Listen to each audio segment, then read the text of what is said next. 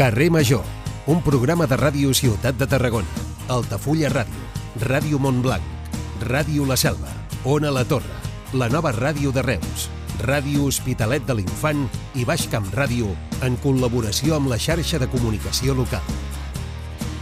Hola, bona tarda, benvinguts un dia més a Carrer Major, el programa que fem les emissores del Camp de Tarragona i avui arribem a l'edició 1138.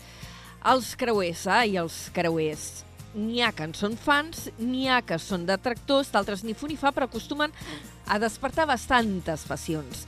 Avui, l'empresa Global Hall Cruising, que es dedica a gestionar des de fa un temps ja la terminal de creuers de Tarragona, ha presentat dades. Ho ha fet en una jornada que s'ha fet al Teatret del Serrallo. Ha anunciat, per exemple, que preveu doblar els passatgers i assolir els 2.000 als 236.000 creueristes durant la pròxima dècada.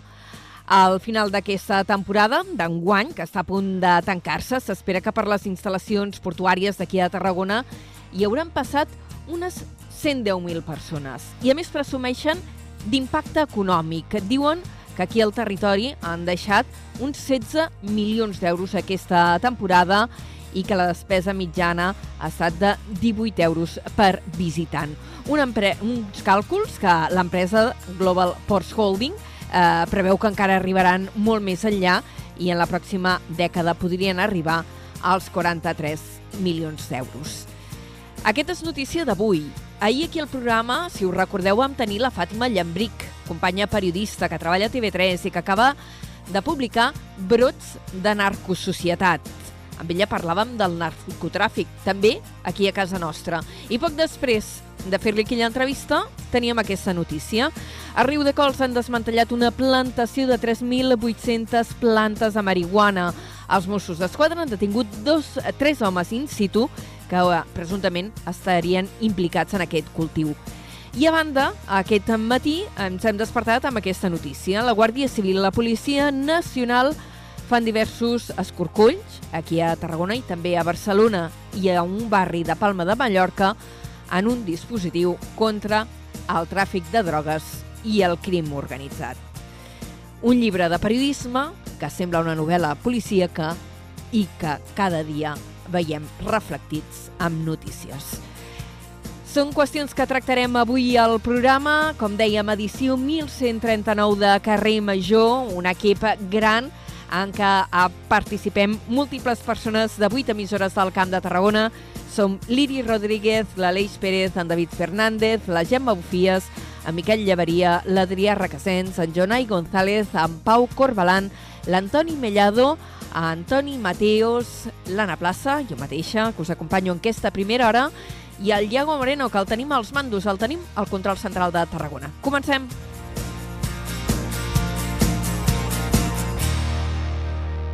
Carrer Major, Anna Plaza i Jonai González.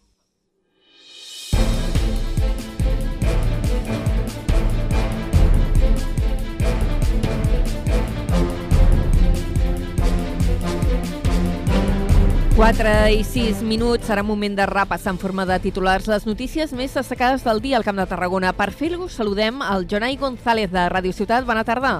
Molt bona tarda. Avui la notícia de portada pel Port de Tarragona que preveu doblar el nombre de passatgers i assolir els 236.000 creueristes durant la pròxima dècada. Al final d'aquesta temporada s'espera que per les instal·lacions portuàries de Tarragona hi hauran passat unes 110.000 persones. De fet, l'impacte econòmic dels creuers és de 16 milions d'euros aquesta temporada i la despesa mitjana és de 18 euros per visitant. La presidenta de la Diputació de Tarragona, Noemí Llaurador, calcula que la redacció del projecte de la Sabinosa acabarà al novembre. Les obres del camí de ronda, que serà la primera fase, podrien començar l'estiu del proper any. Esquerra Republicana de Tarragona ha proposat al govern municipal un increment de l'IBI del 3,5% com a màxim i no del 20%, que és el que hauria proposat inicialment l'equip de govern. Així ho va fer saber a l'alcalde de la ciutat, Rubén Viñuales, en una reunió que va tenir lloc aquest dilluns. El govern de la Generalitat atorga una subvenció de 800.000 euros al nou Museu Castellit de Valls eh, per al període que va des d'ara i fins als pròxims 4 anys. L'aportació s'emmarca dins el conveni de col·laboració signat entre el Consistori, la Diputació de Tarragona i el Departament de Cultura per fer possible l'obertura i el desenvolupament de les activitats de l'equipament. Els Mossos d'Esquadra han detingut un home que, que n'hauria apunyalat un altre al centre de Tarragona ciutat. Els agents li van haver de fer un torniquet per aturar-li l'hemorràgia. Després el van traslladar a l'hospital. A Riudecols han desmantellat una plantació de 3.800 plantes de marihuana. Els Mossos d'Esquadra han detingut tres homes in situ presumptament implicats en el cultiu. L'Hospital Universitari Joan 23 de Tarragona incorpora dos nous quiròfans ubicats al bloc quirúrgic que hi ha a la planta baixa de l'edifici C. Les sales han iniciat l'activitat aquest mes d'octubre i permetran fer prop d'un miler de cirurgies més a l'any.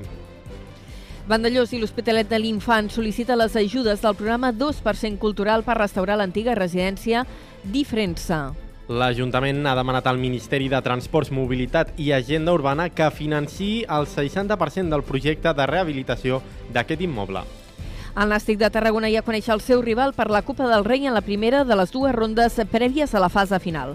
Serà contra l'Orihuela i el partit es disputarà entre el 31 d'octubre i el 2 de novembre al municipi valencià. Moltes gràcies, Jonai. Parlem d'aquí mitja hora. Fins d'aquí una estoneta. Adeu. Adeu.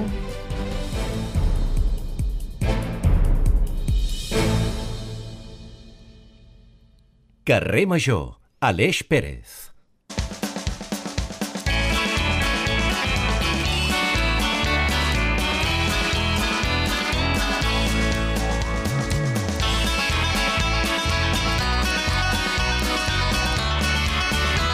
Aleix. Hola, Ana Plaza, què tal? Com estàs? Hola, bona tarda. Molt bona Amb tarda. el Toni Mateos de vacances. Mira, no anava de creuer precisament el Toni Mateos, o m'equivoco? Sí, sí, S'anava està de creuer, veus? Sí, no, no sí. sabem on va embarcar, no, però? No, no, no, a tant no vam arribar, però, però sí, sí, està de creuer. Doncs mira, avui parlant de creuers, en parlarem a l'informatiu amb una mica més de detall, ara hem fet la pinzellada. Això serà abans de les 5 i després de les 5 vas tu. Què teniu avui? Exacte, doncs avui tenim una hora bastant carregadeta, Anna. Doncs tenim primer a l'Anna Dibori, parlarem del projecte musical de Dones de Paraula en l'entrevista local com a, com a tema central del, de l'hora i després doncs, passarem a parlar de la publicitat, com ens agrada tant amb el Xavi Franco, de doncs, diferents anuncis que han marcat doncs, les generacions aquí del nostre territori. Avui és dimarts, o sigui que tocarà fer una mica d'ODS i parlarem de l'Indie Fest, el festival de cinema indígena que estrena tot just demà un cura aquí a, a la ciutat de Reus. Tot això, doncs, com ja et pots imaginar, Anna, us la matarem amb la banda sonora, amb la música que escolleix el David Fernández i també amb la Furgo del Miquel Llevaria, que també parlarà de l'onzena edició del cicle d'activitats La ciutat a cau d'orella. O sigui que tenim una segona hora també bastant plena de, de, de notícies. Anem apretats de temps. Sí, Fins sí. després, Aleix, que vagi Adéu. molt bé. Adéu. Cada tarda de dilluns a divendres fem parada a Carrer Major.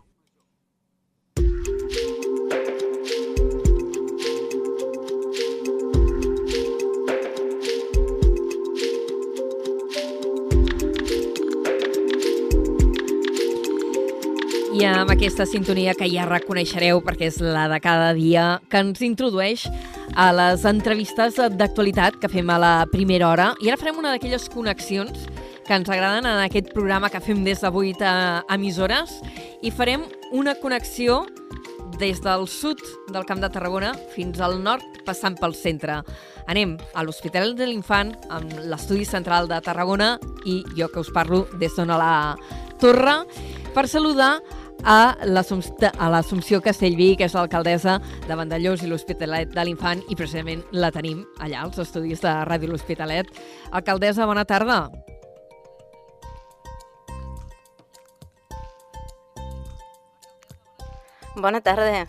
Hola, bona tarda. No sé Com si esteu? tenim una miqueta de... Espero que ens podem que el comunicar micrófono bé. desactivado, diu. Micrófono desactivado? Jo, jo la sento, eh?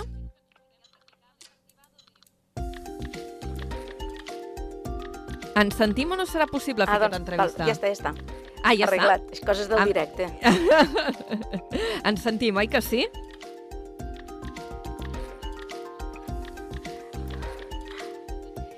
Crec que Sí, serà... sí, bé. Hi, ha, hi, ha, hi ha un problema important de retard. Eh, companys de Ràdio L'Hospitalet, no sé per què s'està produint això. i com que amb aquest retard és completament inviable fer l'entrevista, perquè entre que jo faig la, la pregunta, ella la rep i mm, em torna la resposta i així no podem fer-ho, fem una cosa. Uh, fem que no hi és a l'estudi i truquem-la per telèfon, si plau. Com? Que ho haurem de fer per telèfon. Val, trec, trec els cascos ja? Uh, ara ens podem sentir o no ens podem sentir? Ara sí, sí que em... molt bé. Jo, jo també la sento bé, però teníem retard. Ara és millor? Ara perfecte, jo et sento ah, bé, ah, quins sense retorn. Oh, que bé, quins ja està. Riem una mica per destensar sí, la situació, eh? Quan passen I aquestes coses. Ja ho he dit per començar, eh? Que estàvem lluny. Estem, no sé quants quilòmetres, devem ser a una seixantena de quilòmetres. No, Ara mateix, vostè i jo. No, jo estic a la Torre d'Embarra. Ah, llavors sí, sí. Una sí. seixantena, no? Por sí. ahí? Sí, sí, sí més o menys. Doncs dèiem que tenim, la, després d'aquest ensurt inicial, tenim l'Assumpció Castellví, que és l'alcaldessa de Badellós i l'Hospitalet de l'Infant, eh, perquè volíem tractar eh, diverses qüestions, algunes de més interès territorial, d'altres més locals, -huh. però que creiem que poden ser d'interès per tots els nostres oients. I la primera eh, és una notícia que sabíem la setmana passada i és que l'Ajuntament de Vandellós i l'Hospitalet heu presentat al·legacions al eh, projecte del magatzem temporal individualitzat, el magatzem de residus eh, eh, nuclears eh, que té en projecte eh, la central de Vandellós 2, perquè se li ha omplert la piscina i en algun lloc o altre han d'emmagatzemar aquests re mm, residus. Heu presentat al·legacions i ens agradaria que ens expliqués amb una mica de detall en quin sentit van. Sí, n'han presentat, eh, les, les, les envolupem en cinc àmbits. Eh? Eh, primer és perquè nosaltres creiem que on el volen emplaçar, de la central nuclear 2, és un lloc que està massa expost a les inclemències climàtiques degut a la seva proximitat al mar, no? I això s'ha fet a, mm, els terrenys on el volen posar són terrenys que la mateixa central nuclear va guanyar al mar, per tant, això mm, pot crear problemes en un futur, no? Una altra eh, al·legació que vam fer és mm, és més que res que la valoració estratègica on, de l'Atino eh, es basa amb el setè pla de residus eh, radioactius, no? nuclears i resulta que aquest setè pla de, de residus nuclears no està aprovat, eh? eh és, són, és hipotètic, s'estan fent especulacions, no es pot basar en aquest setè pla, no? I nosaltres diem que es basi amb el sisè pla, que és el vigent, el que està eh, actual, no? És el que regeix l'actualitat dels residus. Eh, que llavors nosaltres el que demanem és que diguin ben clar quan es farà el tancament eh, i que no especulin, i llavors nosaltres ja podria, es podrà fer doncs, una hipòtesi, eh, o no una hipòtesi, no? se sabrà exactament on, eh, on podríem emmagatzemar el combustible gastant, no? o sigui, amb una TC o amb una TD. No? I després també vam fer una altra al·legació doncs, de demanar no? que es creés un òrgan de, de seguiment de construcció del ATI 100, no? que és uh, un ATI 100, que és aquest ATI que volen construir, que um, és un, on, on es ficarà tot el combustible gastat i buidar Però, eh, la piscina on està ara desmantellant. No? I aquest, que... aquest perdoni que la interrompi, no? però aquest uh, magatzem centralitzat, del qual també fa temps que es parla, això està als núvols en aquest moment, perquè es va descartar una opció, Exacte. ara mateix no es contempla. No, no, no, no, no, estem, no és, és a dir, l'ATC no es contempla i de moment no es farà, no? I per tant, ells es basen encara en aquest setè pla de residus, s'està parlant d'un ATD, que és un, un magatzem descentralitzat i ficar-lo aquí. I llavors per això nosaltres diem que no, perquè això és una perspectiva fins al 2073 de tindre els residus i, i la veritat, ja, això seria ja infinit per infinit tenir-los aquí. No? I per tant nosaltres volem que es basin amb el sisè pla, que és el vigent, i no fer hipòtesis amb el setè. Val? Per això, perquè aquest ATC, el centralitzat, ja no s'ha fet i ara volen fer aquest tipus. No? Primer passant per l'individualitzat i que l'individualitzat es converteixi en descentralitzat i que es converteixi en que sempre estiria aquí. Val? Em sembla que també qüestionàveu els terrenys on es plantejava sí, aquest ATI. Ara, uh, sí, és el que t'he dit abans, és el, els terrenys, és, nosaltres creiem que estan eh, massa a prop del mar, no? I estan massa a prop de les inclemències climàtiques. I per això eh, això pot ser un perill, amb, que tenim experiències prèvies sobre això, i per això nosaltres doncs, preferim que el construir, si s'ha de construir, doncs en un altre indret. I amb això també aprofito per dir-te que nosaltres també, amb, amb la situació, el que nosaltres volem és que si, ha de, si hem de tenir l'ATI, que tinguem l'ATI dels magatzems de la central nuclear 1 i la central nuclear 2 en un mateix indret i no hipotecar dos terrenys que els, eh, que els unifiquin, no? perquè així no afectarà tant el nostre terreny del nostre territori i minimitzem l'impacte, perquè ells voldrien fer uh, un ATI al PLA 1 i un ATI pel PLA 2, d'acord? En quin, on s'estan tramitant aquestes al·legacions? No sé si ja les heu formalitzat o de moment Sí, sí. n'heu aprovat. Ja estan formalitzades? Sí, sí, nosaltres ja les vam presentar, vam presentar eh, el tràmit de consulta eh, que es va fer a l'Ajuntament en l'estudi de l'impacte ambiental, vam fer un informe el dia 28 de setembre i el 4 d'octubre vam presentar el mateix informe però en format també delegacions, no? I són totes aquestes. I a més a més de delegacions aquestes també vam demanar crear un òrgan de seguiment de la construcció dels ATIs, d'acord? On puguem participar i totes les parts interessades. Per tant, són quatre blocs de- d'al·legacions. O sigui, és una cosa bastant tècnica, ja ho veus, però, Sí, molt. però més o menys doncs, bueno, que, es, que, que es vegi doncs, que nosaltres, l'Ajuntament, doncs, tenim molt clar de que si s'ha de fer doncs, amb totes les garanties. Ha Hi ha consens entre els grups municipals sobre aquest tema? Bé, eh, grups municipals sí, perquè nosaltres som una formació que en política on hi ha molta transversalitat, al govern eh, hi, hi hem inclòs tres partits polítics més i a l'oposició només en queden dos, que també un ha presentat al·legacions i l'altre doncs, em, també. Si no els ha presentat, doncs també està amb que doncs, ha, ha d'haver al·legacions i de que estan bastant d'acord amb les que hem fet. Uh, davant de quina O almenys no han dit instància el contrari, o almenys no han dit el contrari. De qui depenen ara aquestes al·legacions? Estan en mans del... eh, No sé si es eh, gestionava Nosaltres- amb el Consejo de Seguridad Nuclear o directament Sí. amb el Ministeri. Bueno, s'enviaven també al Ministeri de Transició Ecològica i Reto Demo Demogràfico i llavors ja passava als, al- al- als àmbits que pertanyen doncs, al tema nuclear. Uh, aquest era un dels temes que teníem ganes de tractar amb vostè i un altre que també ha estat d'actualitat els últims mesos perquè, a més, uh, ha generat uh, debat polític i, i molt de debat al Parlament, fins i tot, uh, que és la qüestió dels fons de transició nuclear. Sí, Havien sí, de començar a arribar aquest setembre. No sé si la cosa està en marxa o no està en marxa o, o què és el que espereu rebre també en el cas de l'Hospitalet de, de l'Infant. Mira, això és com un via crucis, eh?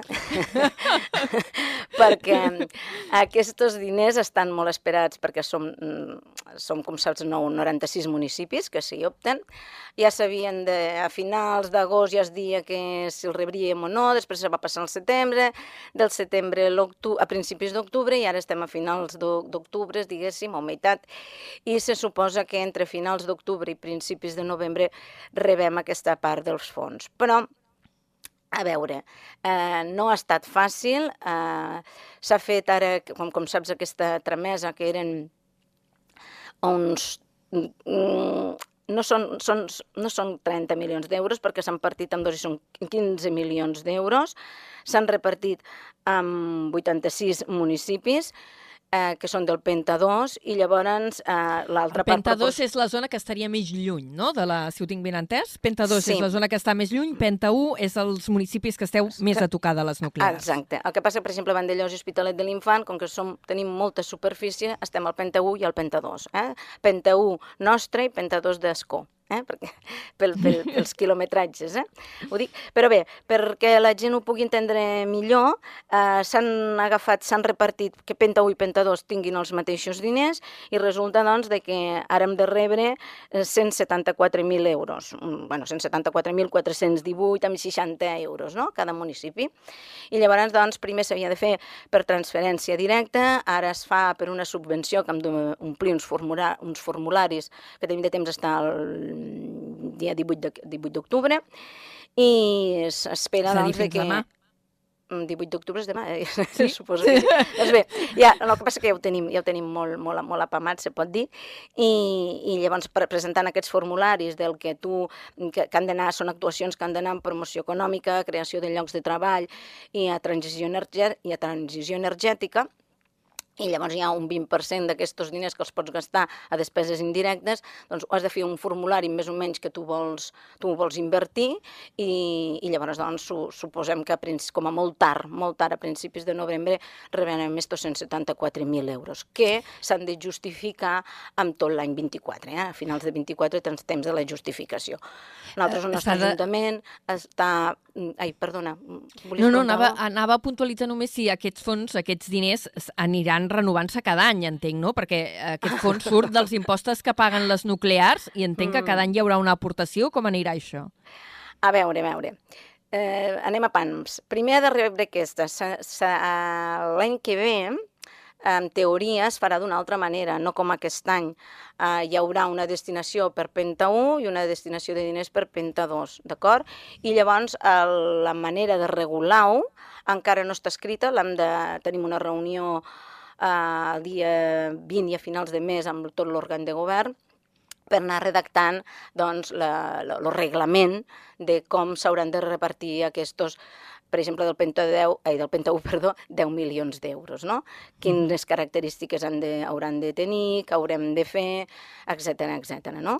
Mm, jo he de dir i és, que nosaltres ho tenim bastant bé, Vandellós Hospitalet de l'Infant, perquè tenim una àrea que és, que és, és, és exclusiva de promoció econòmica i, i tenim una empresa que es dedica a això i llavors doncs, ho regularem, bueno, volem invertir, tenim molt clar com a les empreses del nostre municipi i, i, i llavors també tindrem una persona que assessorarà doncs, als nostres empresaris. Per tant, ho tenim bastant ben encarat i llavors també tenim empreses que s'aposten molt per empreses de, de l'impacte i doncs també tenim empreses que hi voldran optar. Per tant, si, si el reglament el podem fer entre tots i que sigui acotat i que estigui molt ben, molt ben estructurat, doncs crec que, que no es perdran aquests diners.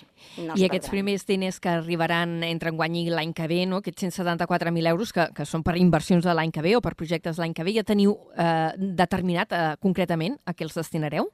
Nosaltres, bàsicament, eh, serà promoció econòmica, mm, el, el, el, diguéssim, doncs, empreses del municipi indirectament, no? en què puguin doncs, eh, crear llocs de treball, també en qüestions de transició energètica, en plaques solars, etc etc. I després sí que farem el que una, una, una part, que són un 20% que es pot gastar a despeses indirectes perquè, com sabeu i com tots els ajuntaments han patit i les cases, és que l'electre s'ha pujat molt i per tant doncs, sufragar eh, rebuts d'electre, de, després doncs, mm, secretaria, etc etc. Llavors projectes Uh, després tenim de reindustrialització, agroalimentació, turisme, noves tecnologies, sostenibilitat, és que n'hi ha molts de projectes, i et dic jo que no es perdran aquests diners, no. Bueno, 170.000 euros no sé si us donaran per pagar tantes no, coses, perquè... No, no, jo ara ja parlava en un futur per l'any que ve, no, no, 174.000 euros no donen per tant, no. Uh, a banda d'aquestes qüestions uh, del fons de transició nuclear i d'aquestes al·legacions que heu presentat a l'ATI, uh, també, uh -huh. ja que la tenim aquí, a l'Assumpció Castellví, que és l'alcaldessa de Vandellós i l'Hospitalet de l'Infant, li volíem demanar valoració de dos temes d'infraestructures que afecten el seu municipi. Uh -huh. D'una banda és que ja s'ha formalitzat el contracte per fer el projecte de l'ampliació de l'autopista del tercer carril, Sí. Suposo que des de Vandellós, ara ja teníeu tercer carril per anar cap amunt, ara també el tindreu per anar cap avall. Ho veieu bé? Molt bé. Molt Esteu bé. contents?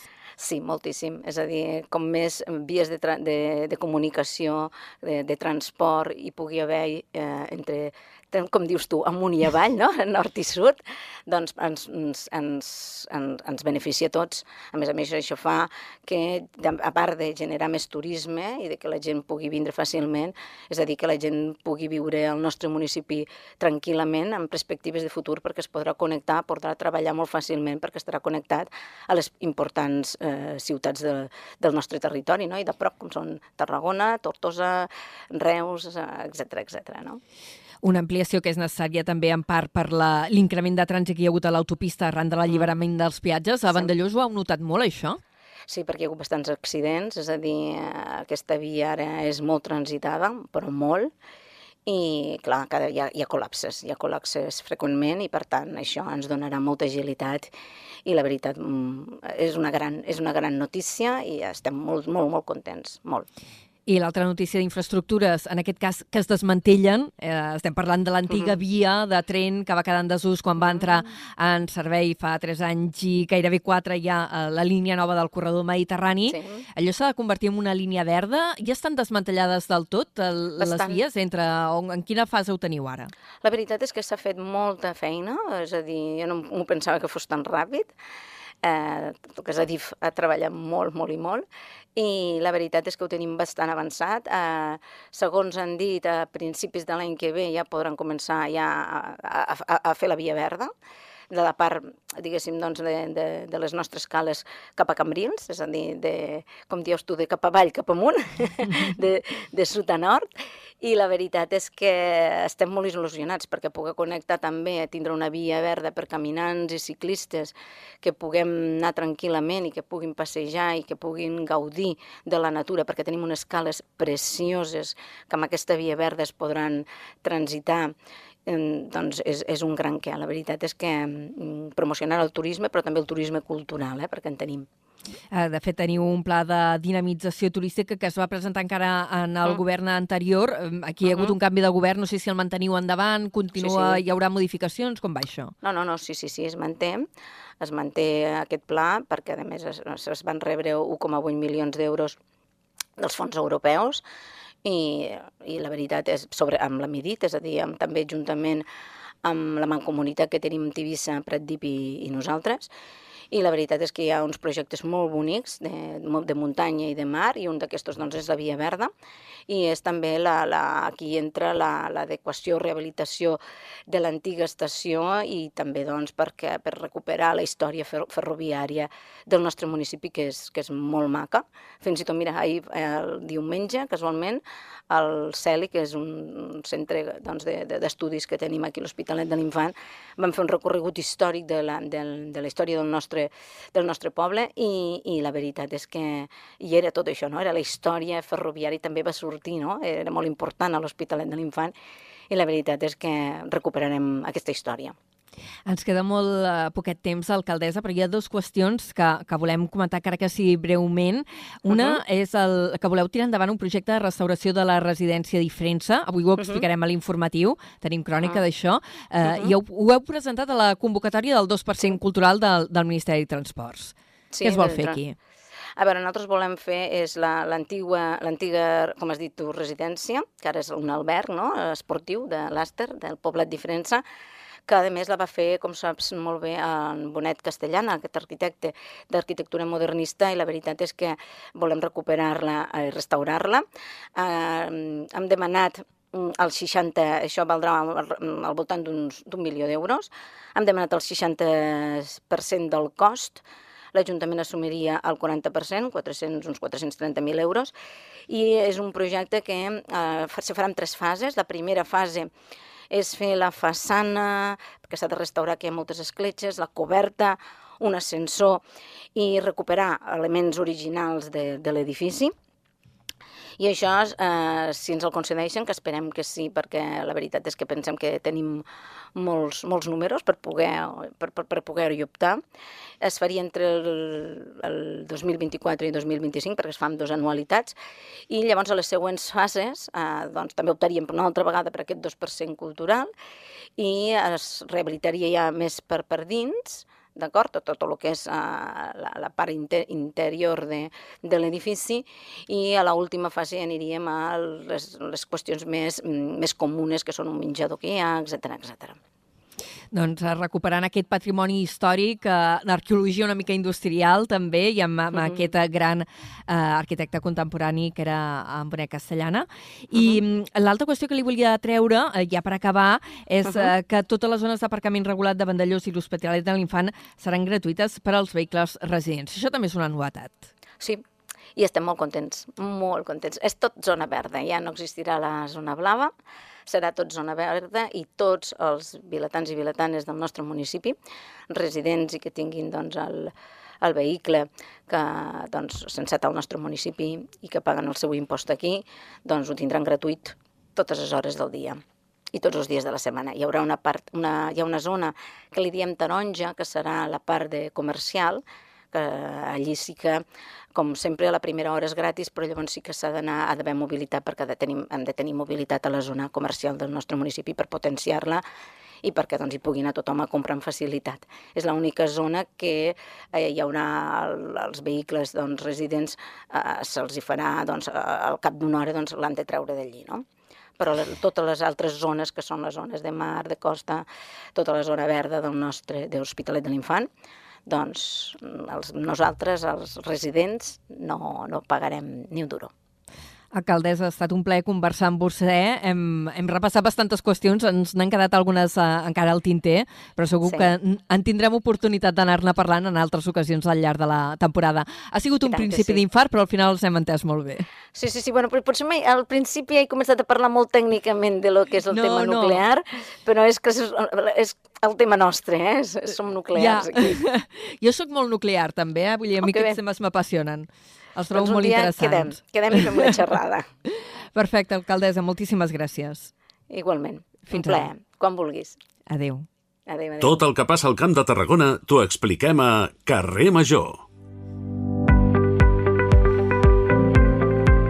4 i 34 minuts. Hem parlat abastament amb l'alcaldessa de Vandellós i l'Hospitalet de l'Infant i ara volíem conversar amb un periodista tarragoní per valorar una mica la notícia que ens va sorprendre ahir, que és que s'ha arxivat definitivament eh, la causa penal eh, per la construcció del pàrquing de Jaume I. I en conversem amb l'Àlex Alonso, ell és periodista a TAC 12, fa molts anys que segueix la crònica eh, municipal a Tarragona. Àlex, bona tarda, moltes gràcies per acceptar la nostra trucada. Bona tarda a vosaltres. Uh, ahir et va tocar cobrir aquesta roda de premsa. Com, com, uh, tu esperaves que en Seques digués s'ha arxivat aquesta causa que feia tants anys que s'arrossegava ja tancada, definitiu? Doncs, home, no, no ens va acabar de sorprendre, eh, tampoc, i eh, també, també us ho hem de dir, perquè hem de posar una mica en context el que va passar ahir.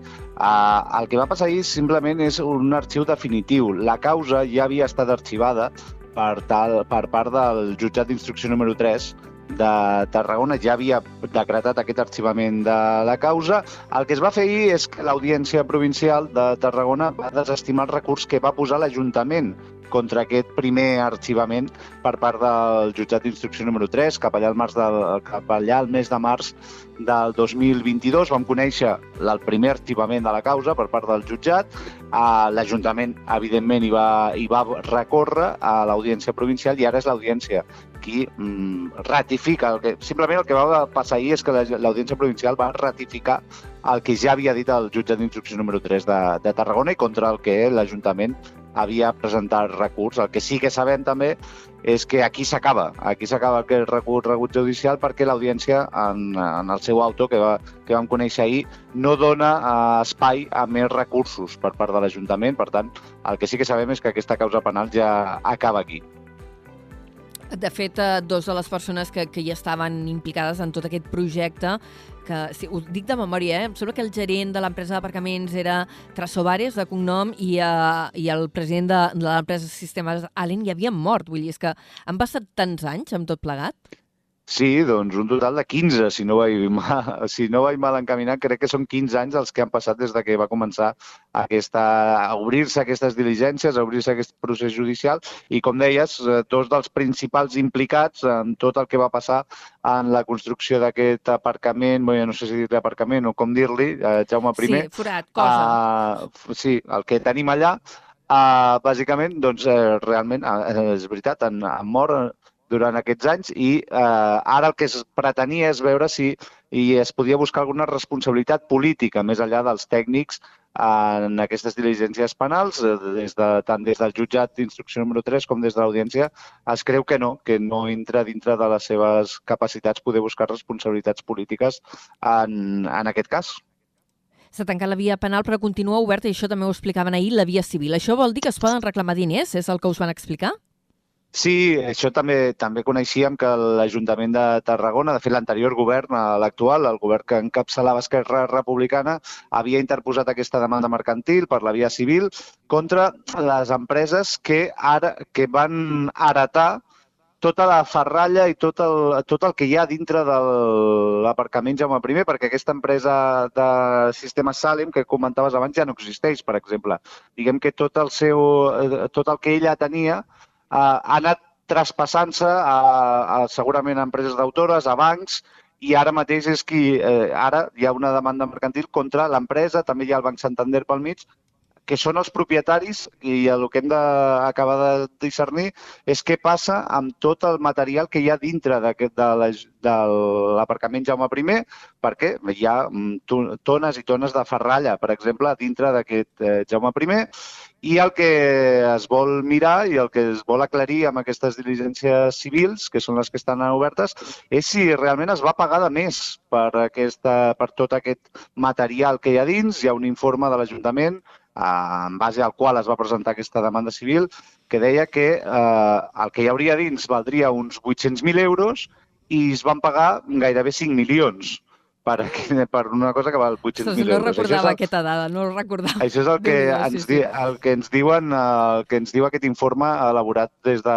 Secretaria d'Intervenció de l'Ajuntament la, de Tarragona, aquest informe tècnic. Per tant, el que s'ha d'aclarir ara amb aquesta demanda civil és si realment es van pagar uns sobrecostos que no estaven justificats i veure si part d'aquest eh, pagament pot retornar a l'Ajuntament de Tarragona. Ahir ens deien des del govern, ja ho deia la portaveu Sandra Ramos, que evidentment l'Ajuntament de Tarragona es calcula que hi ha que invertit uns 31 milions, 31-32 milions d'euros. Evidentment no tornarà, en el cas de que es guanyés que l'Ajuntament guanyés aquesta demanda civil, no tornarà eh, més que una petita part eh, de tot el que, el que s'ha invertit en un espai que realment eh, continuarem, jo crec, durant molts anys sense saber quin futur pot, pot tenir. Àlex, moltíssimes gràcies per, a, per haver-nos atès avui i posar una mica de llum en aquesta notícia que ahir vam explicar eh, a l'informatiu, la vam explicar bueno, com són les notícies d'informatiu, en format breu, eh, i ara hi hem pogut aprofundir una miqueta més. Moltíssimes gràcies. A vosaltres. Fins ara. Adéu, adéu. Carrer Major, al Camp de Tarragona, des de ben a prop.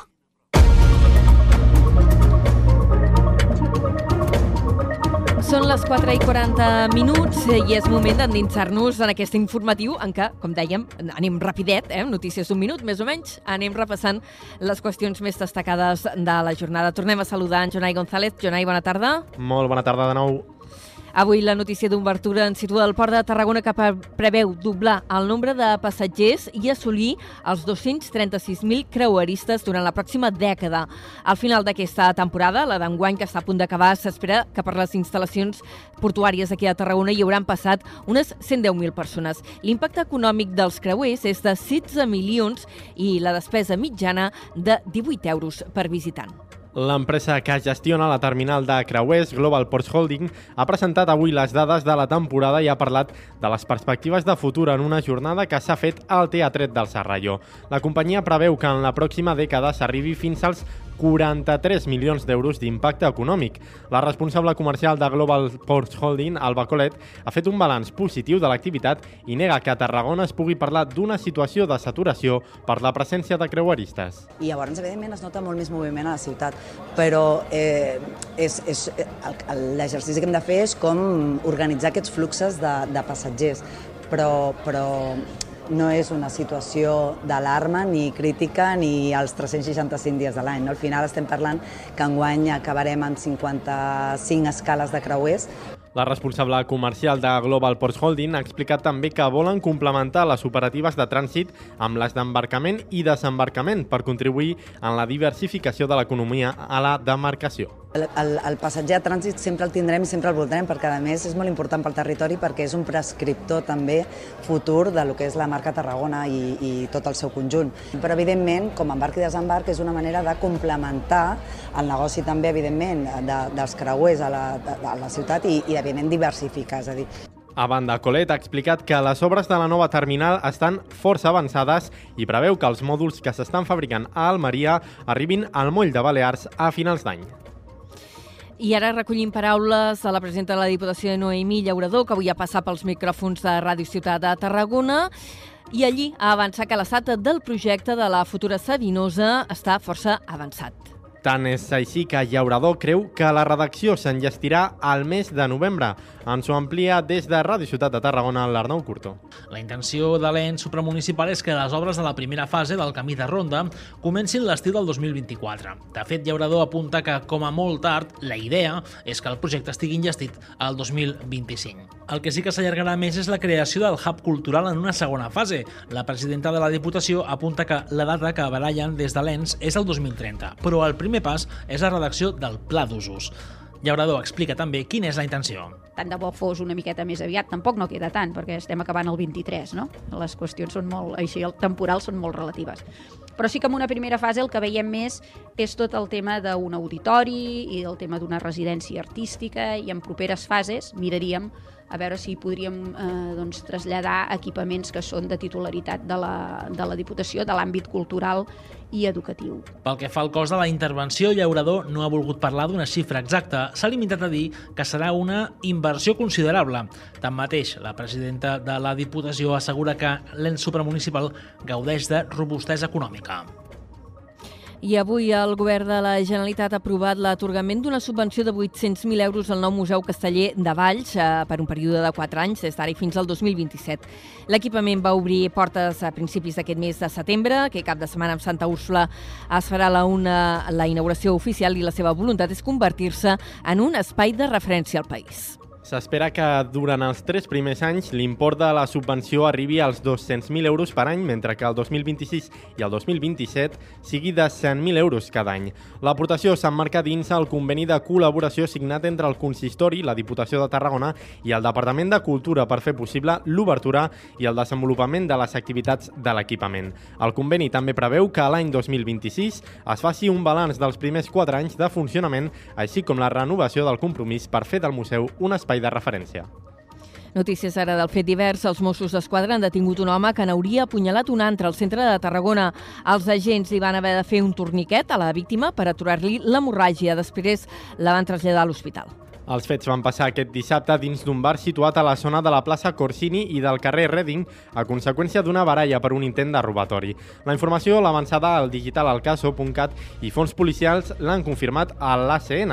L'agressor hauria clavat un objecte tallant a la víctima i els Mossos el van arrestar per un presumpte delicte de robatori amb violència en grau de temptativa i lesions. A Riu de Cols han desmantellat una plantació de 3.800 plantes de marihuana. Els Mossos d'Esquadra han detingut tres homes in situ presumptament implicats en el cultiu.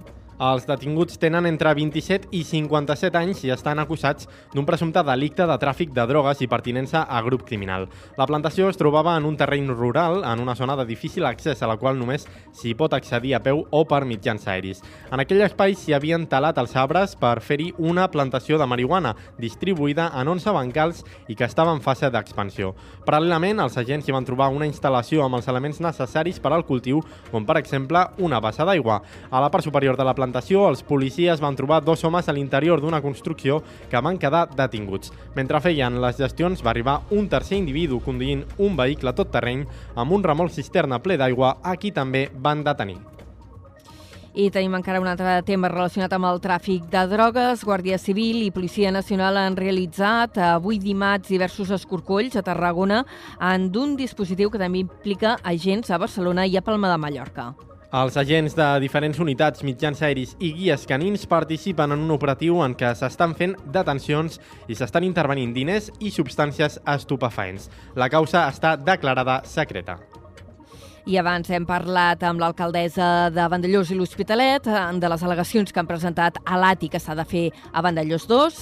Ara parlem del que es preveu fer a Escó.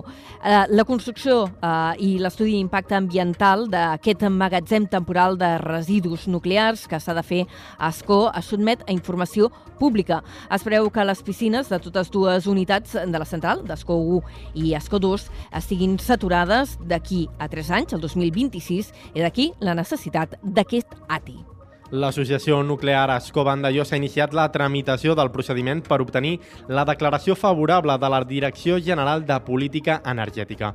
El combustible radiactiu gastat s'emmagatzema en les piscines de cada central i el magatzem temporal individualitzat que ja existeix a Escó, en marxa des de 2013.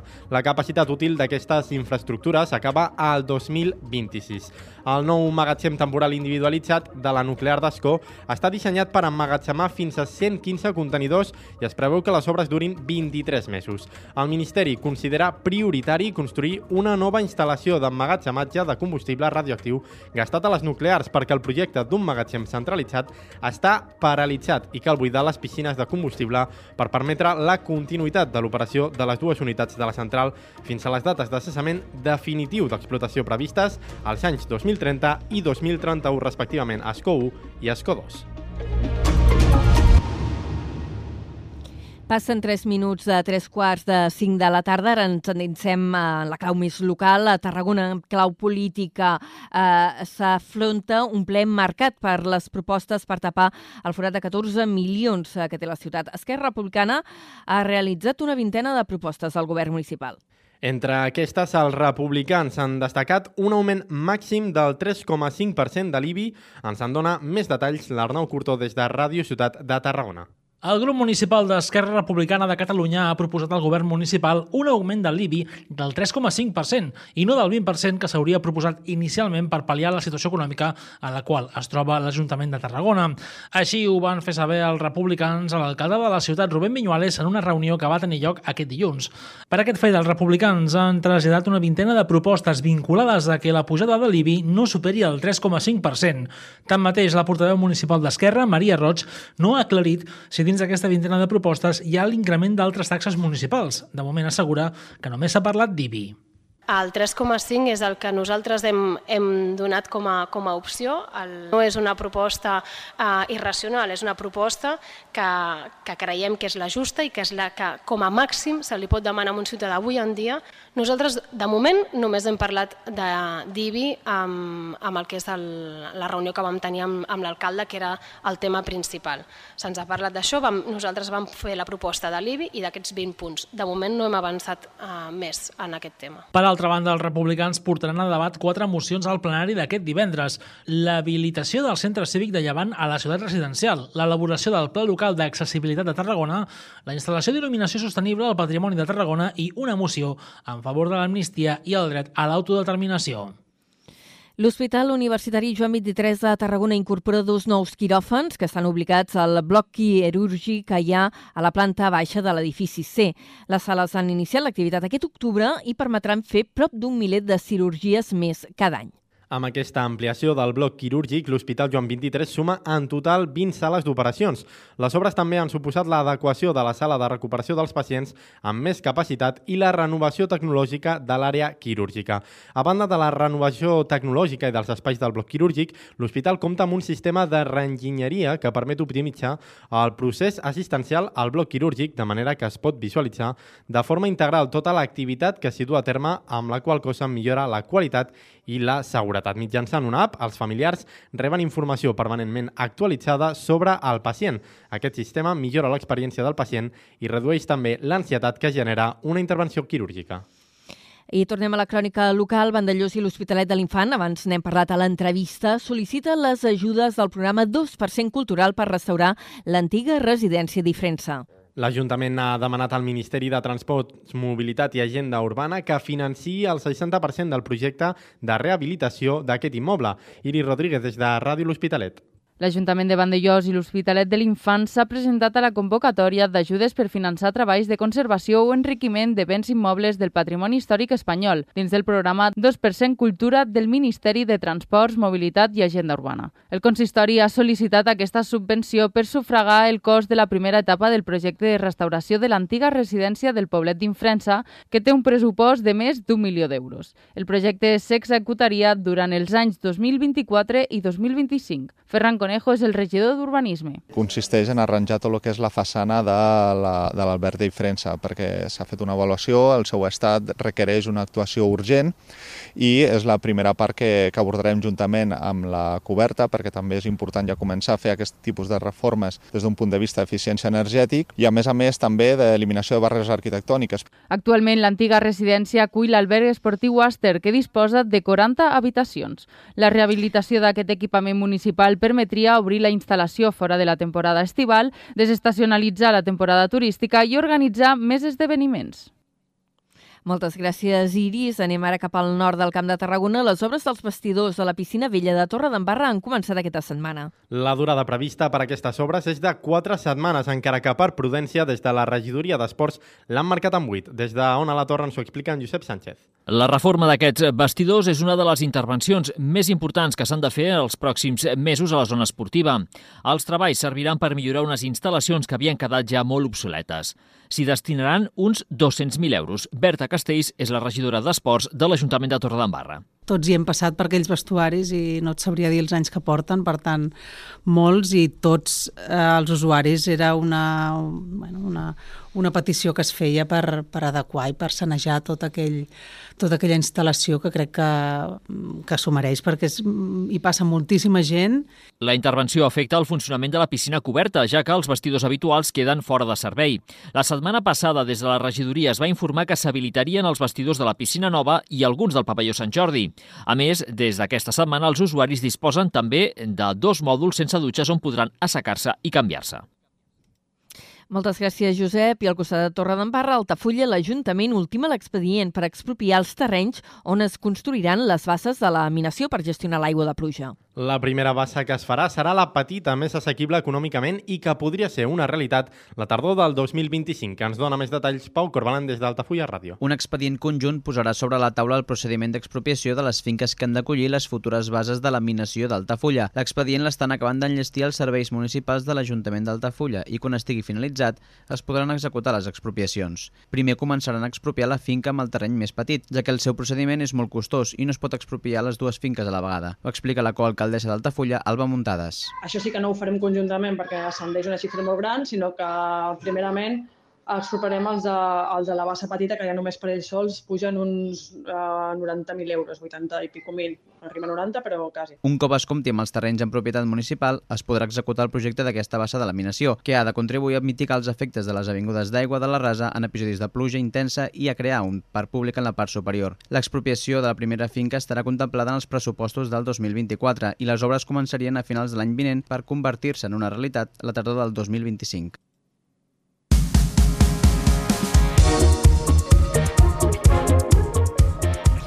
I en esports, avui hi ha hagut el sorteig de la primera ronda de la Copa del Rei. El Nàstic ja coneix qui serà el seu rival, concretament l'Orihuela. El partit es jugarà entre el 31 d'octubre i el 2 de novembre. Els granes es desplaçaran a l'estadi municipal Los Arcos.